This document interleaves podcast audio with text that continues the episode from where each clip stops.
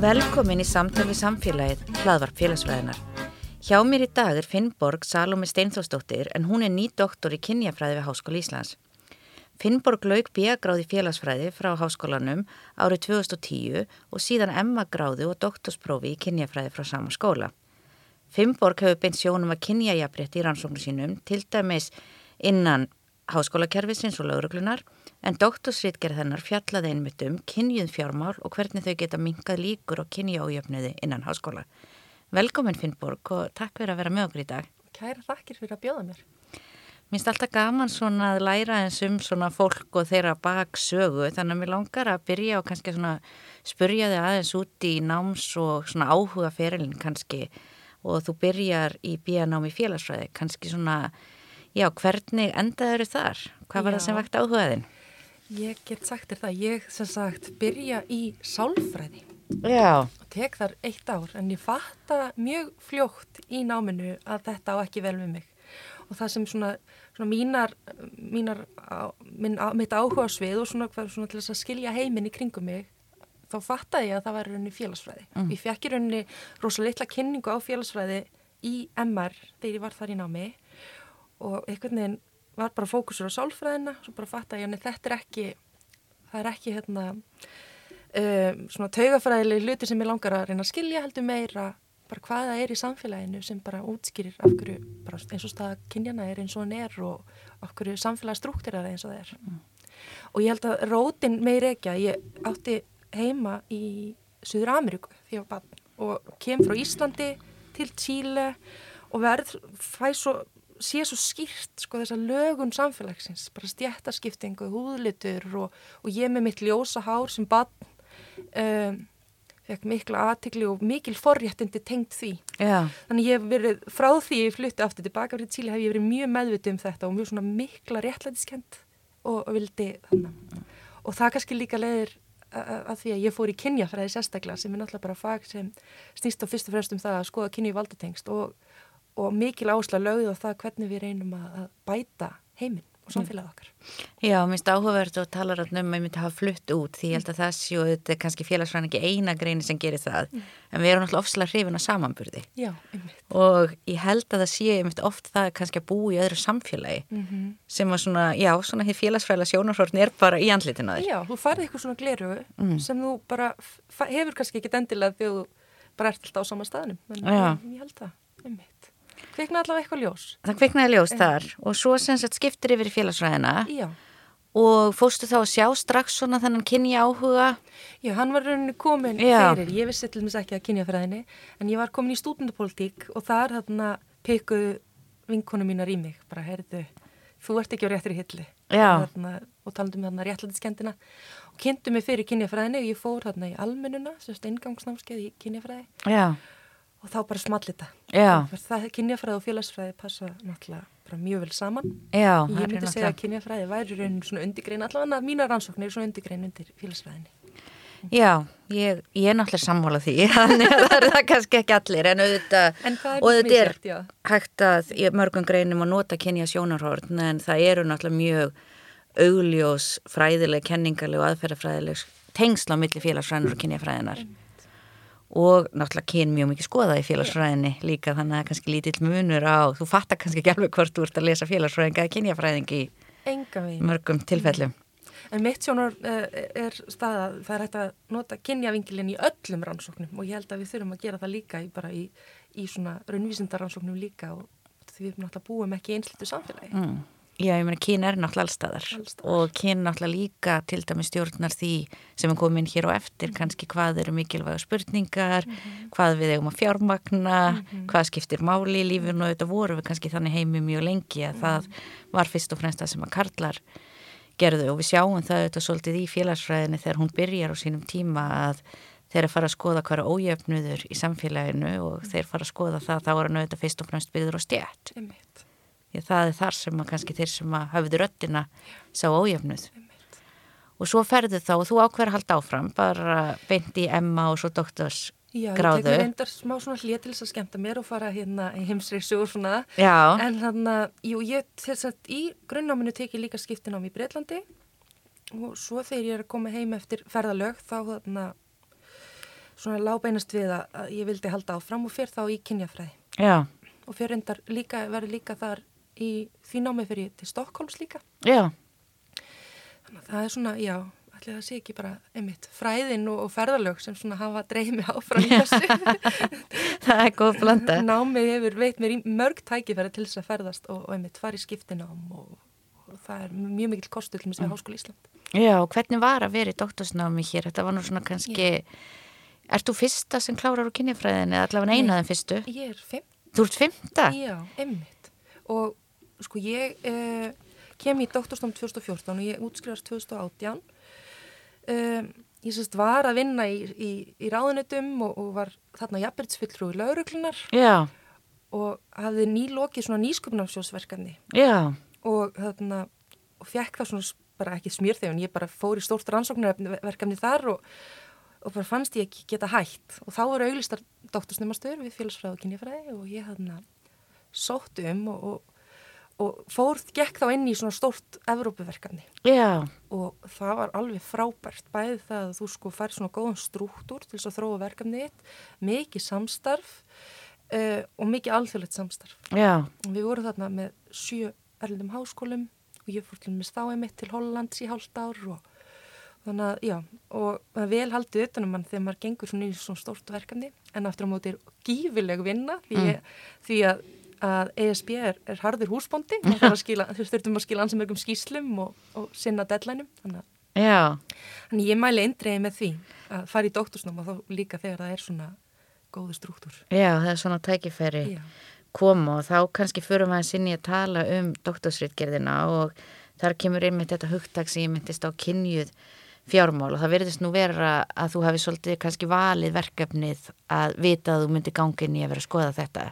Já, sko, ég hafði mjög frjálsar hendur út af því að kynjufjármál hafði aldrei verið skoðið í háskólum. Já, Sist, þannig að kannski Já. verkefnið þetta er stærra að skoða kynja mun innan háskóla Já, það er almennt. og þú svona- síðan svona kannski mótar þinn eigin áhuga á. Já, verkefnið var bara mjög umfangsmikið að skoða, sérst, Garcia-verkefnið var mjög stórt svona um misrétti í háskólunum, sérstaklega kynjamisrétti og sérstaklega þegar kemur á svona precarity, svona óörugum stöðum. Já, og við erum að sjá það svona óöryggi er að vaksa í háskólum við erum með, með fjölda allan af doktorsnefum Mm. og hvað svo? já, Það er ekki, við vitum það, ok, segjum það útskrifist 70 nefndur og við vitum við að það verði ekki til með 70 háskólastöður endilega auglistar. já, Hvað gerist svo? Og nú er ég kannski komin út í verkefni sem ég vemdi var að skila í gær, eh, eða skýrslan var að byrtast í gær hjá mentamáluröndinu, að þarna, nei, það er annað verkefni, ég er að skýrsla sem ég skilaði til Háskóli Íslands. Og margar skýslur. allt og margar skýslur, ég er hana, skýslu drottning, en ég var sérst, hún er líka fara að byrtast, þú skýslaði að skoða uh, hva, hver afdrif doktorsnema eru. Já, og, og við sjáum að, að það er ekki atvinnulífið hefur ekki bröðust eins við þessari þróun að við erum ekki að sjá að til dæmis að ekki nóg mikið af okkar doktorsnefnum til dæmis í stjórnsýslu, til dæmis ráðanetta, í stefnumótum og fyrir okkur sem erum hérna í félagsvísundum við vitum að doktorsnefnarnir okkar eru bara gífilegu fengur fyrir til dæmis stjórnsýsluna. Já, í stefnumótunum öllum málefnusviðum hvort sem það er hérna uh, velferðamál eða þú veist, umhverfismál eða bara í raun held ég hvaða ráðuneyti sem ráðuneyti er. og þá líka á öðrum stjórnsýslu stegum Já, þannig að það er svona stóra verkefni þetta Garcia verkefni sem ég var í við í HÍ höfðum bárum ábyrð á kynjum fjármálum. Já, eða það sem kallast gender budgeting. Já, í íslenskum lögum er að kynju fjárlega gerð á öðrum stjórnsýslu stegum er að kynju fjár og starfsætluna gerð já, en við erum bara að tala um kynju fjármál. Já, og í mjög stuttum máli þá kynni við fjármál bara hvernig notum við peningana til þess að stuðla jafnrétti. já, Þannig ég þannig kom með eitthvað verkfæri að það sem kallar svona strategíu til þess að stuðla jafnrétti. Og ég vildi nota það þannig að, að hvernig uh, og það er svolítið það sem ég gerir rannsóknum mín, að skoða þetta sem kallast svona um, stjórnarfar misrættis eða inequality regimes að skoða hvernig struktúrin hvernig kerfin okkar íta undir stuðun eins og hún er, íta undir misrætti Já. Þannig ég fór að skoða hvernig peningarnir og bara ákvarnatökan hefur áhrif á kynniðjabrætti í háskólanum og þá kemur rauninni kynni fjármálinn kjörfæli byggt og því notum við peningarnir til þess að reyna að breyta því, mm -hmm. endur skipilökin hlutina. Um, en við þekkjum það í rannsókum, við höfum oft mjög mikla þekkingu en breytingarnar koma kannski ekki alltaf. Já. Og Þannig að í doktorsverkefninu er ég að skoða þetta og við sjáum, ég kortlaði í, í HÍ og í þessum samstarfslöndum okkar, kortlaði við bara fjár, fjármagnir. Já. Hvernig það fer frá ríki til stopnana og innan stopnana allaveg til bara starfsfólks og nefnda. Og við sjáum þar, bara í östutum máli, að það eru svona, það er kerfin okkar í viðhaldastöðunni, íta undir kynjamisrétti. Og það byrtist meðal annars í því bara til dæmis svona stígveldi skipan fræðigreina. Hvaða fræðigreinar eru talt að vera nógu merkilegar og því að fjármagni endur spekla svolítið virðið Já. og forgangsröðin og, og, hana, og hér á, þótt að doktorsritkin mín fókusaði fyrst og fremst á HÍ þá eru hana, var rannsóknin umfangsmeiri í verkefninu mm. en við erum að sjá til dæmis eins og með forgangsröðin fjármuna við erum að sjá til dæmis að það uh, er ekki endilega beint til kalla á hvenna heldur meira svona kynjaðra, kynir svona breyta sem skiptir máli eins og kynjuð fræðasvið mm. fræða sem er svið þannig sem er kallar í miklu meira en þetta á móti fræðasvið sem konur eru kannski búin að stíga eh, kannski eru ennþá kannski í minnuluta að kemur á prófessorstöðum en eru svona orðin fjöl, mikil meir hluti nefnda og við veitum það að meir hluti nefnda í HÍ eru konur og hafa verið í hátt í fjór, fjóra áratögi en það á ekki við um öll fræðasvið og ekki alla deildir. Já, það er kannski fara peningarnir þá og mér finnst þetta mjög og, og áhugavert. Og bæði hér í, á Íslandi sjáum við að peningarnir fylgja ekki bara eh, vegna rannsókna, heldur líka vegna kjænsli. Já. Þannig að til dæmis ef við tökum bara mjög klísikent dæmi fyrir okkur innan háskólasamfélagsins, að þú ert að kenna aðferðufræði eh, hérna megin við söðugutuna, þá er ég að tala um það sem félagsvísittin eru, eða vestur megin við, við söðugutuna, það sem eru raunvísindin verkfræði og náttúruvísindin að þú far samt, allan að þeim tíma sem ég var að skoða þetta voru sko 60% herri greislur fyrir nefndan þeir sem var í námskeiðinu. Þannig að við sjáum að það byrtist svona. Og jáfnvel þó séu bara í rauninni sömu sko námsmarkmið. Þú nefndin á kunnaða sama út úr til dæmis bara einhver hagn í tölfræð Já. sem ég kent báði megin. Að en, en þá kemur spurningin veist, og það er mjög mikilvægt í kynjum fjármálum að skoða veist, er það um, er þetta réttmætu munur Já. þú veist, jú, kennslan er dýrari þú veist, dýrari tölubúnar þú veist, það er allt svona orðræðan Já. og það er mjög mikilvægt í kynum fjármálum þú veist, jú, að við skoðum það mm. og ef munurinn er útskýranlegur þá er það bara í góðu lægi Já. en það sé ekki ómeðvitað en það sem við sjáum til dæmis í deililíkaninu þegar við vorum að, ég var að skoða þetta var að, að, að að þetta er eitthvað svona svolítið svona sögulegt. Kerfið er gripið eitthvað frá Svíþjóð. Svo fór ég til Svíþjóðar að kynna nýðustöðnar þá kannast engin við kerfið þar. Þannig að þetta er svona og, og þessi munur hafði bara veginn alltaf verið. Og það var engin, engin svona uh, hvað segir maður, engin raukstýningur á bakvið, mm. það hafði bara veginn alltaf verið svona. Og þar lendi er mjög mikilvægt að við þarna skoðum það betur og, og breytum. Já, og, og finnum þetta. þá bara aðra sjóði til þessa fjármagna til dæmis eins og eins og sem, verkfæri sem þarf í kjænslu sem er kostnað meiri þetta er raukstuð Nei, mér finnst þetta svolítið áhugaverð og ég verði alveg að viðkjanna það að þegar ég flutti heim hvað fyrir núna rúm fimm árum þá hafði ég enga hugmyndu, ég hafði aldrei heyrt þessar hluti eins og deililíkan eða reiknilíkan eða eitthvað. Og vissi ekkert hvað fólk var að tala um og veit náttúrulega ekki nærið því að mikið um þetta eins og um, þú, en mér fannst svolítið áhugavert einhvern veginn að sjá og það kom mér í huga hugtak sem ég allavega kynntist fyrst í grein frá henni Gíðumargreitu um áru jafnréttis. Að mér fannst ég svolítið verið allt inn komin í það hér innan háskólans því að þetta var algjörlega skýrt það sem ég var með stöðu við Boston háskólan í hvað nýju ár. Mm. og þar fór ég inn í starfið og auðvitað er það kynjað en ég vissi samt algjörlega að þeir sem voru náttúruvísindum voru metnir meira en ég. Mm -hmm ég vissi líka að ég var metin meina en þeim sem voru í hugvísindum mm -hmm. Mm -hmm. þannig að þú einhvern veginn svona vissir og svo jafnvel innan sko félagsvísindana þá voru við kannski undan mannfræðingunum en á eftir hegfræðingunum mm -hmm. og hér á Íslandi kemur einhvern veginn og byrju háskóla Íslands er jafn mhm. það en líka... það sem þú er raunin að segja er að hann er það ekki og hann er það ekki að tilvillinlega kentan hátt Nei, þetta er allt ákveðnir sem eru teknar en þetta er líka ákveðnir sem hættir að breyta. Og þarna var ég að tala bara mjög sértækt sko, en þarna dæmið um kennsluna en, en við sjáum þetta víðar og núna var ég að, að, skila skýrslu um, um, sem kom út í gæðum framgangskerfi háskólana og þetta byrtist líka þar. Það eru þessi þættir sem er að umbuna svona um, umbunarkerfin okkar þeir eru að umbuna frekar greinum sem eru kallægar mm. Uh, það er stigveldi fræðigreinana, við erum ennþá að styðjast við sko uh, til dæmis mælikvarða sem við vitum að rannsóknir sína eru gallaðir eins og til dæmis rauðum tímarita. Uh, og tilvísanir að telja tilvísanir í höfunda mm. rannsóknir sína það að, að karlar vísa síður í konur og það er ekki kynjamunur þegar kemur að konum í fræðastörfum. Þannig að það er alls konar svona skekkjur í kerfinum okkar. Fyrir utan það sem er mitt svona, eh, svona íta frekar undir það að við séum að, að umbuna kalla umbjörnum konur og sérstaklega þá kalla ekki svið, fræðisvið mm. en það er líka annað, það er svolítið það sem ég er að skoða í, í doktorsveitkinu og er að halda áfram með núna er í rauninni hvernig líka menningin í háskólanum mm. og þessi samkjafnis og einstaklingsmenning sem við er, búum við og, og það er það sem við tölum um sem markasvæðingu að við erum að keppast um að vera besti háskóli í heimi, næsti Harvard við erum ákveðnum listum og svo leis og þetta er allt, allt tækin sem ég var að rannsaka þú veist, öll, hvernig við deilum fjármagnum er öll til þess að íta undir þessi markmið mm. en, en markmiði er, er þarna um, og þú veist, mælikvarðan á því markmiði eru kynjaðir og, hana, og það sem er afleggingarnar þar eru líka það að það ger mjög grífileg krafa á starfsfólk að vinna mjög mikið. Já.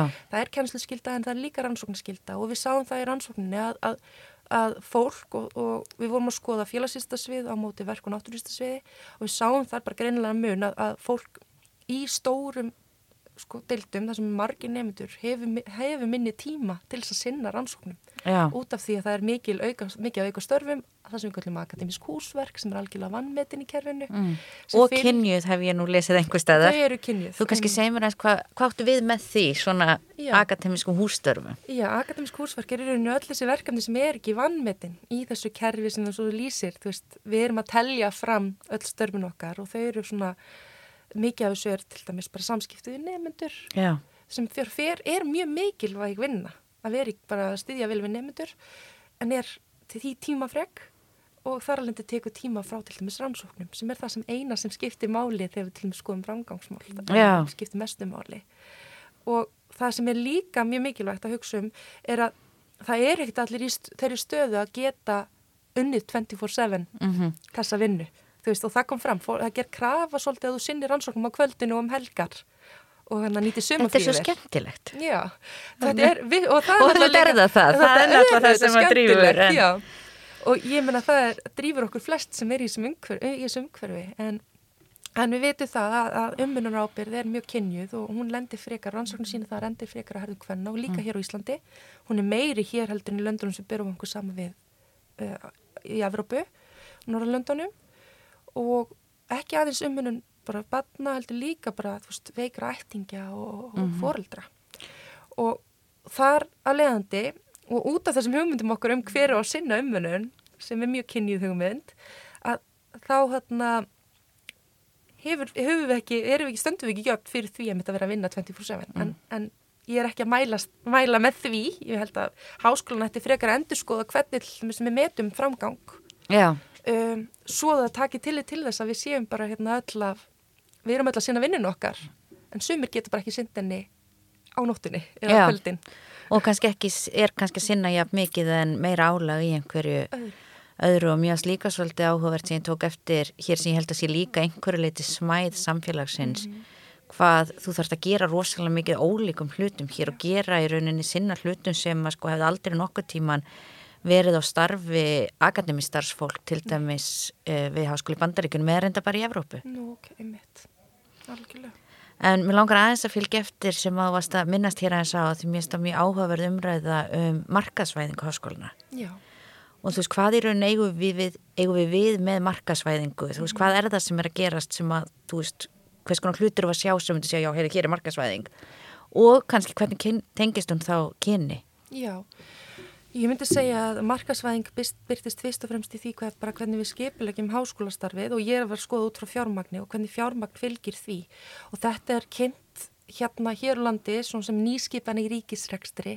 Það er raunni að, að, að peningarnir séu notaður á skilvirkan hátt og, og, við, og, og við, það sem við sjáum hér á landi er að við erum byrjuð að telja allt. Og hér í háskólanum ég menna við teljum hérna stofurnar sem við erum að nota og greiðum tilbaka, deildin að greiða tilbaka í háskólan og við erum að sjá til dæmi sérstaklega og kynjavinkilin byrtist uh, skýrt hvernig við, sko, það er allt árangursmetið, fjöldin nefnda og við fáum fjármagn eftir því.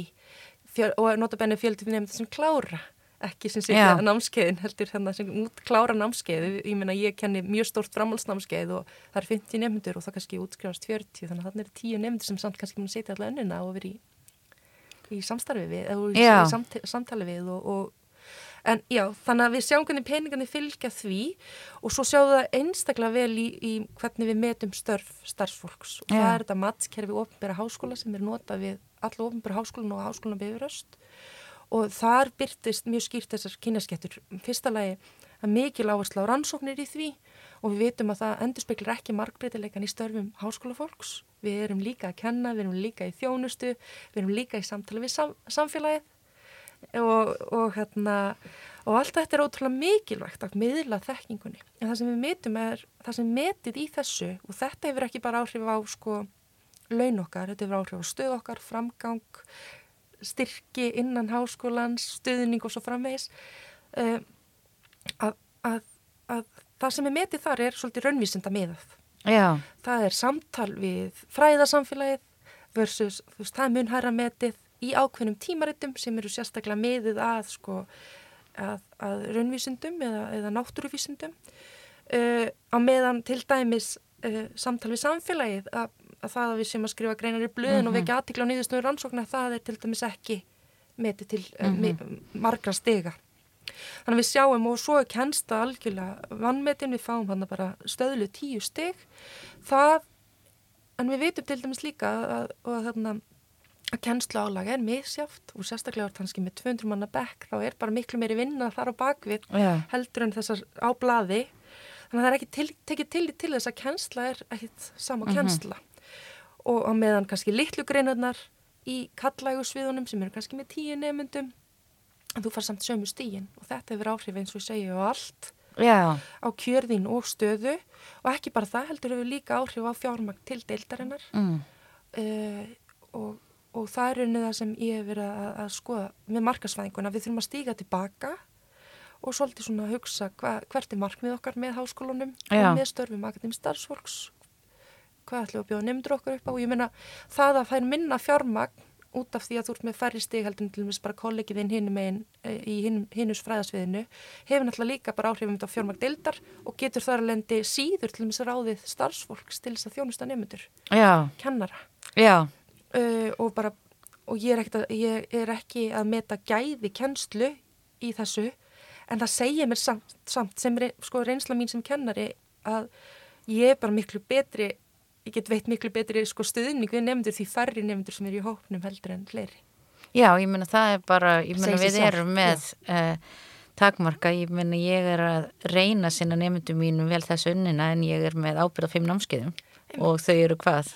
Allir sé ekki 200-300 í þessum námskeiðum á heldina, þannig að takt eftir, þú fær bara tíu steg Já, og svo færðu post og þú ert alveg bara svona í hvaða námskeið ertu þetta segja mér það og svo finnst mér í mjög slæm manneski að veit ekki hvort að hún Jóna sé ekki þelsefélagsfræði eða ójöfniði Herði, þarna ertu bara akkurat að lýsa akademískum húsverkum. Gífilega mikilvægu starfi en þú hefur ekki tíman eða rýmin, rýmin til þess og, hana, og, og þetta er allt mannanverk. Svona skipileggi við áskolan og það er svo mikilvægt með kynniði fjármálin er að við þurfum líka að finna leiðir til að stila hvernig breytu við hlutunum. Þannig að við getum veitt öllum nefndum góða þjónust mm. og hérna bara svona sveigurum til, til þess að geta menta sig en líka við bara sem starfsfólk mm. bara síðan ekki að bugast undan álægi Já, mér langar aðeins og þú ert búin að minnast aðeins á það að þetta sé líka leið til að breyta hlutunum Já. og breyta kerfinu mm -hmm. og hvernig breytu við kerfi þegar í rauninni kannski við erum orðin svo vönuði að við höldum þessi sjálfgefið og þar náttúrulega kemur félagsfræðin sterkinn og kannski eitt af því fyrsta sem að þú veist við segjum nefndum er að það er allt mannana verk. Já. það er allt um hvernig við hugsaum um samfélagið og skipulegin það sem á einhverjum tímapunkti var skipulagt af einhverju og kannski einhverjum ákveðnum hópum sem á þeim tíma voru sérlega valdamiklir. Þannig að hvernig breytum við kannski einhverju sem að mjög margi bara líta á sem staðrein, bara svona eru hlutirnir. Og svo kannski líka auðvitað, því auðvitað tengist þetta að einhverju leiti bara réttlæti og ójöfnuði því að stundum er það auðvitað þannig að ef við erum að réttlæta kerfið, ef við erum að gera kerfið sangjart, þá er einhverjar að græða en kannski einhverjar að tapa. Já, og þetta er náttúrulega svolítið svona zero sum game ef við hugsaum um háskólasamfélagi, það er vel að breyta kerfinu því þá einhver annar minni fá minna. Já, og það er bara rosalega erfið ákverðun að taka. Og, og til dæmis bara ef við tölum um vinnumatskerfi, nú er þetta mjög sértækt, þá er það til dæmis, það er ekki bara háskólans eða ríkisins að ákveða það, það er líka kjarafélagin Mm. sem eru þar inni. Því þetta kemur upphálega úr sko kjara samningum já, á nýjunda áratögnum. En ég er líka í sko uh, félagsstarfi og er hann í hóp sem heitir Feminisk fjármál já, og það er rauninni það sem við erum að þrýsta á stjórnvöld til þess að breyta hlutunum og, og vinna kynni um fjármálum en, en, og þannig að það er kannski svona be- betra dæmi hvernig við getum breytt hlutunum. Við fengum styrk til þess að rýna efnagsaðgeri stjórnvalda út frá kynni og jafnbryttsjónum og niðurstöðnar sem eru inn á heimasíðun okkar feminskfjármál.is að, að bara sína að efnagsaðgeri stjórnvalda voru að íta undir misrétti, til dæmis atvinnuskapandi aðgerir voru fyrst og fremst mm, beindust að köllum, nýsköpuna tækifæri, nýsköpuna fjármagn fór til kalla eða fyrirtækið sem voru sko mikill meira hluti stjórnkallar og svo framvegis. Og kallægum sviðum. Mm, uh, og, og við sem sagt leggjum fram til um hvernig þarf að breyta þessu og, og, og þar eru tækifæri. Og Þetta er náttúrulega bara ákvarðan sem stjórnvöld tóku þegar COVID skellur á að þú þarft þá að taka ákvarðanir sem stuðla að jafnbrytti eða allan að, já, stuðla jafnbrytti, bara allan að, allan að í dekki undir frekar að misrétti. Og ok, við höfum með þess aðgerð, við þurfum hérna að fjárfesta og byggja mjög mikið og það eru kallægur eðnaður og jú, það mun skila sér, hefur jákvæð áhrif á jafnbrytti í framtíðinni því við, við græðum öll á því að hafa góðan spítala og, og hérna góð kennsluhúsnaði og starfsæðstæðir og svona betri. En þá ertu líka að hafa mótvæðis aðgerðir. Og til og með síðan svo í nýsköpun, mér finnst það svo áhugavert. Það þýðir ekki að konur sé ekki í nýsköpun Mm. og uh, þetta er búin um, umræðin núna bara í síðustu viku líka. Að við þurfum þá líka bara að hugsa, ok, hvað er nýsköpun? Þurfum við kannski að endurskilgræna hvað er nýsköpun? Þurfum við kannski að útvika þau svið og taka meira til, ég meina konur eru frekar í nýsköpun, til og með í heilbriðisgeirunum, í svona félagslegum, uh, í félagslegri svona nýsköpun, þurfum við þá ekki að útvika það og, og þarna sjáum við hvernig kynjunin er, að hvernig karla sviðin er gefið vægi og fjármagn og við gleymum svolítið Mm. hinnum og, hérna, og það þarf bara og þetta kostar allt peninga. Já. en við erum samt líka þetta, þetta er ekki bara réttlætismál, þetta er líka svona við hugum svona út frá svona nýtjasjónum við. Mhm, ég meina við erum líka að missa talent við erum að missa af tækifærum uh, til þess að skapa atvinnu fyrir breyðari hóp fólks og, hérna þannig að það er alls konar sjónamið sem eru þannig að ég held að við græðum öll á því að taka inn þessi sjónamið Já, þú er einmitt skoðað líka eins svona rannsóknarsjóðina og slíkt Já. og það er einmitt, þú veist, svona rýmar þetta svolítið við, skona, kannski mína reynslu fyrir utan náttúrulega bara rannsóknarsjóðin sem er kannski almennastur en við höfum nú eru mjög þakklátt fyrir að hafa fengið úr nýsköpunarsjóði til dæmis og að geta fjármagna nefnundur þar og eins úr innviðasjóði. En þar samt kemur að þessum veggjum að þú veist, þér finnst þú alltaf einhvern veginn vera svona kannski annars flokksborgari að því að þú veist, þú ert ekki með kannski svona hlut sem að kemur út í nýsköpun. Þú ert einhvern veginn að aðlaga það. Og sama til dæmis eins og með innviðasjóð þar sem að hefur til dæmis verið mjög mikil barátt um hvort að uh, kannanir, alltjóðlega kannanir til dæmis eru hluti af innviðum. Því að við erum svo mikið að hlusta nefnir þetta hlýtur að vera smásjá eða þú veist eitthvað slíkt. En ég meina kannanir eru grundvallar innviður félagsvísinda. Og þetta er náttúrulega þessar opnu, ég meina ég er aldrei að sapna könnun bara fyrir mig sem ég nota. Þetta er bara eitthvað sem er aðgengilegt vísindafólki og nefndum út um allan heim. Auðvitað er þetta innviður. Og þetta er líka þessi umræða sko eins og við vorum að tala aðan um nemyndur þú veist ef, að, þarna, þú veist það er svo dýrt að reyka deildinnar kennsluna en við erum líka í félagsvísindum með mjög dýran meina, SPSS kostar hundriði þúsunda og, og, hérna, og eins og segir kannannar og, og það, þannig að það er bara líka bara hvað við metum sem innviður eða hvað við metum sem sko bara tæki mm. uh, en þetta er á mínum, Já. ég sé bara kynja vitina í þessu öllu saman og þarna það einskorast ekkert við kyn Mm. en, en það við erum að tala um svona mýgra fræðasvið þar sem konur eru mun frekar inn á heldur en kallar Mm. og kannski þá sérstaklega meira ábyrjandi á kallægusviðunum Mm. Mér finnst það reynda miklu harðara, miklu smartara ég er alveg sammála ég er alveg á því að það er, það, það er svona ger ég, það skilast Já, ekki það mjúka sést en hann gæsa lappir Við setjum við lítið myndband ég set inn svona gif af mér að hann að skera gæsa lappir en, en þegar þú varst að skoða sérstaklega rannsóknastyrkin og hvernig þeir voru kynjaðir, hvað var það sem að koma út úr því? það byrtist nákvæmlega þetta sem við erum búin að ræðum bara að þarna, þessi kallægu sviður að fá mun minn meira.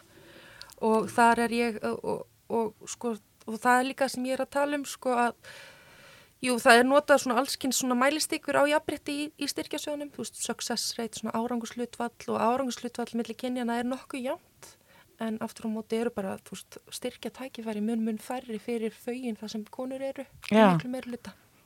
Uh, og mér finnst það líka, uh, og það gleymist allt þetta sem við erum búin að tala um, að, að, að tími til þess að sækjum og svo framleis er ekkit alltaf til staðar hjá öllum út af öllu álæginu sem Mm. fylgir þessu, þessu kynniða skipulagi sem er nú þegar í háskólanum. Já, Þannig að það er raun að sem ég segja að mælustökurnar eru kannski ekki nógu góðar og mér finnst mjög gott að skoða bara tölunar. Ég meina við sjáum það bara að það er að, að styrkinni eru miklu meir hluta að fara til kalla Mm. og til kallræga fræðis við það.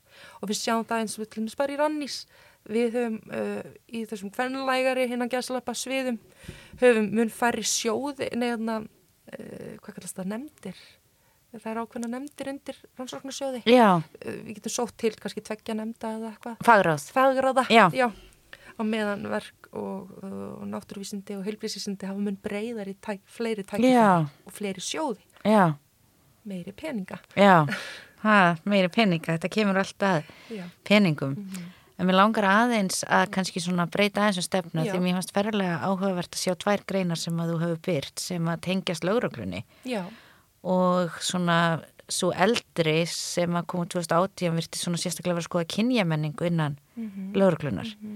Kannski þú segði mér svona bara, já, svolítið svona frá þessu rannsóknarverkefni, af hverju fórst að skoða lögreglun, af hverju það er mikilvægt og já, hvað ert að, hvað ert að skoða ekki lögreglunni? já, ég er einmitt að, að halda áfram með þetta verkefni. Þetta nefnilega kemur út frá nýsköpnusfólksverkefni sem ég sóttum með í samstarfi við uh, Geðu Margréti Pétursdóttur, prófessor í kynjafræði og var ríkislaurugstjóra árið 2013. Já, og við náttúrulega, þetta áttu bara að vera rosa næs sumarstarf fyrir, fyrir áhuga saman meistaranema en var það þessu risastóru rannsókn sem var spurningakonu meðal allra starfsmanna lauruglu og líka eiginlega viðtöl við fyrrum uh, konur sem hafi unnið í lauruglunni.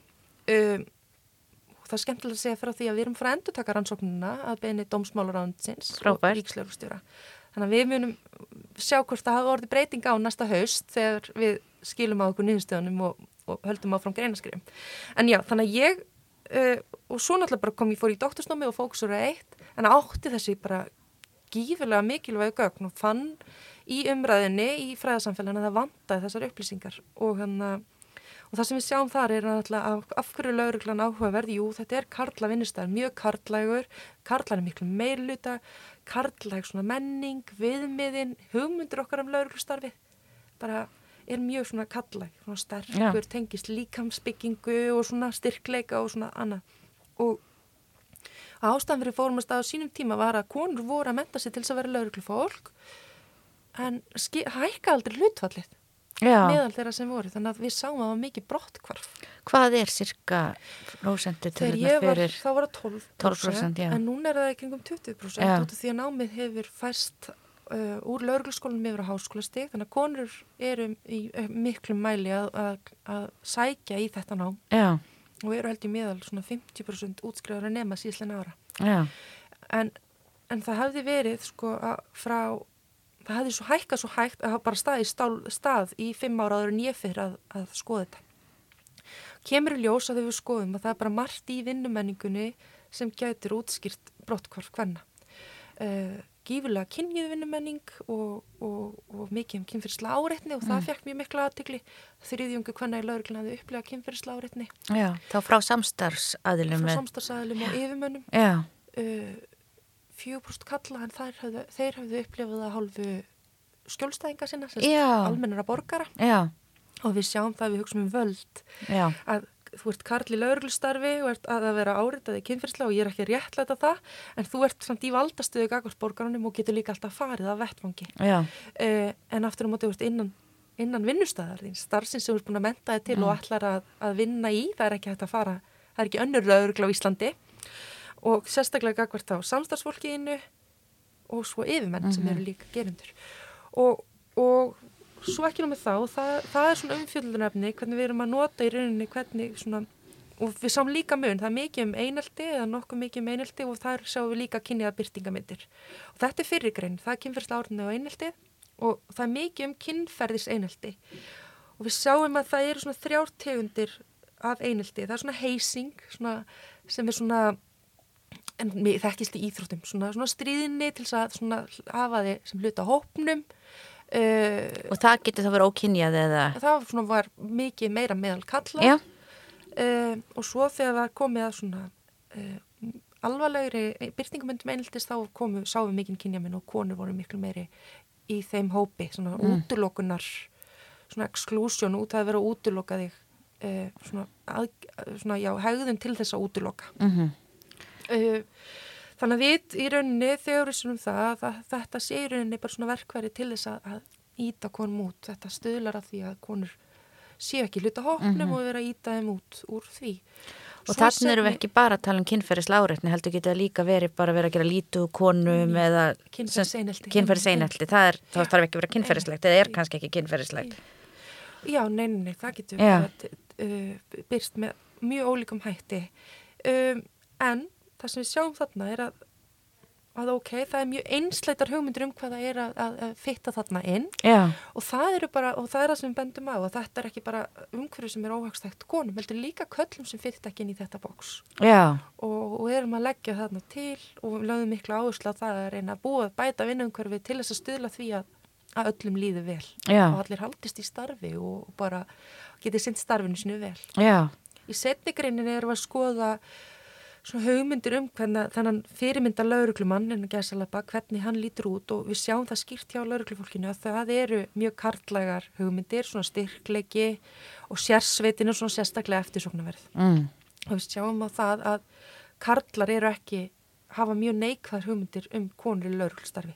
já, Það er fitta í rauninni ekki við þessa hugmynd og við sáum það í gögnum að konur þær treysta sér vel til þess að vera í lauruglstarfinu telja sig vera hævar og góðir, góðir lauruglumenn en vantröstið byrtist hjá körlum og sérstaklega hjá ungum körlum já, og uh, körlum sem eru óanaðið með framgangsinn. já, Og þarna sjáum við líka, svona, erum við að veltaði fyrir okkur hvort það spili kannski inn í að, að þetta er hópurinn sem upplifir sig verið í samkefni við konumnar um störf, já, um framgang og svo framvegs. En það hefur, þetta hefur verið skoðað mikið, það hefur skoðað van- viðtalsrannsóknu við kall, kalla í lauruglunni, þetta var skoðað með líka með ofinbærstarfsfólk í lauruglunni, en núna fáum við tækifæri til þess að endur taka þetta og munum leggja fram mm. könnum með allar lauruglumanna og bara allstarfsfólks, líka já, hinna. Og já, ég veit ekki hverja niðurstöndar verða, það verður bara ótrúlega áhvert að sjá. það verður mjög spennandi og það er ymmit líka svo mikilvæg punktur sem þú ert að segja, þú veist kannski þetta, hvað sjáum við þegar við hugsaum um lögreglu Já, að þú veist hvers konar ég er myndið að gera það í ójafnaðanámskeiðinu þá skoðum við til dæmis bara að setja inn manneskja og þá færðu bara hvíta kalla og svo þarf þetta alltaf að bæta við meira og meira sko konu og lit og sem sagt öllu slíku. Og náttúrulega með ákveðna greinar, ég mun að googlaði prófessor eða doktor, ég held reyndir að hafa breyst aðeins með laknana, já, en, en þú googla prófessor og þá bara einmitt. hvítir kallar Einmitt, Le great leader, það er mjög áhugavert að googla það er alltaf mjög mikið, Já. Google gefur ákveðna Já. svona hugmyndir um svona mainstreams, svona hugmyndir um um hvað, já, já, hvað er í gangi. já, Algjörlega og það sjáum við klálega hjá lauruglunni, en ég held, tek undir, ég held til dæmis að, að lauruglan er fyrst og fremst til þess að þjónusta okkur sem samfélag, sem borgara. Og það er bara óbúslega mikilvægt að við, að við höfum fjölbreyttan hóp líka upp á tröst til lauruglega, við hugsum til dæmis bara um, um fólk að verðaldum uppruna uh, ert ef þetta er alltaf valdi sem mæti að, að þarna og þetta er kannski fópar sem er svo hælisleitindur sem er búin að brenna sig mjög mikið á leiðinni hinga og það held ég bara opuslega mikilvægt að hefum fjölbreytan hóp af fólki í, í starfinu. Og líka kannski að hugsa um þetta því við erum alltaf þá líka kannski að velja og ég get ímynda mér að það sem kemur á borð lauruglu séu sko hundruður ef ekki þúsundur mismunandi verkefna. Einmitt. en við svolítið kannski veljum út þá þetta þú veist það þarf að vera sko þessi styrkleiki þegar við erum með svona glæpamenn og við erum helst í sérsveitinni. Og þá þarf þetta að vera þetta sterkur. Frekar en að hugsa um í raunin allt annað og mér langar kannski að fara aðeins yfir í því og líka skoðað nöðgunamenningu og það er náttúrulega mjög mikið í umfjöllinu núna ofbeldi og ofbeldi gagvart konum og kannski þegar þú ert nýbúin að lenda í ofbeldi þá kannski einhver rosalega stór og stæltur lauruglumar er ekkert endil í öllum tilfellum. Svo sem að ég kannski þetta ekki að segja hendi best en kannski ekki svo eini sem hendar. Því þetta er ekkert einu sinni bara um það. Og það er svolítið svona kannski vantari með þess að orða að segja. En mér langar svona svolítið að heyra um það sem við skoða varðandi nauðgunamenninguna sérstaklega. Já, ég mitt tók þar mitt viðtöl við þólendur sem hefðu farið mál sér til lauruglu meðal annars. Það var upphæflega rannsóknar, uh, svona, átt að vera upphæflega rannsóknin en á sama tíma er Hildur Fjóla að vinna rannsókn í samstarfi við lauruglan sem byrtist svo þarna 2012. Já, En þetta er þarna, ég klára 2014, tek viðtölum við þólendur sem er að lýsa svona upplifun sin að því að fara til lauruglu og við sjáum að það var margt á þeim tíma og, og er náttúrulega margt búið að breytast tímana í lauruglun er, er stórhlipti stjórnunda núna konur, mm. meiri luti eða, helst jöfnkynni luti með uh, lauruglstjóra en það er fólki sem kemur inn utan að koma til, þetta eru konur og kalla með lögfræðimentun Já. þau ganga ekki inn í gegnum hefðbundna já, en já, með naukunamenningu og þar sem ég er og það er svo ótrúlega gaman að sjá hvernig umræðin í dag er akkurutuninu það sem ég var að draga fram þannig 2014 að í viðtölum ég tók rínuhópa og bara svona var að reyna að kortleika hvernig naukunamenning byrtist í samfélaginu og, og þessi orraða um skrýmslin sem Já. er fórsa hávær uh, hvernig gerundur eru sjúkdómsvættir og hvernig svona tíðinni ofbildið sé bara, svolítið, bara svona, já, þetta er bara svona norm Mm. þetta er bara konur lenda í þessu já, og, og aðgerralýsi stjórnvalda er í rauninni normalísrar mm. ofbeldi og það að við bregðumst ekki við því eða breytum eða gerum eitthvað er í rauninni þá svolítið bara að, sta, að samþykja status quo. Já, þar lendir og normalísrar kynfyrsofbeldi uh, en það er svona svo ótrúlega gott að sjá svona af núna þróununa með öllum þessum MeToo-bylgjum að, að, að það er verið að að bregðast við. Já, En ég svona greindi þessar mýtur í samfélaginu á þeim tíma sem ég þótt óbáslega áhugavert voru um mitt sko, um mitt nöðganir sem norm, þetta er bara svona hluti af lífinu. já þú lendir bara í þessu. Já, og hvernig ábyrðin er svona sett á gerundur.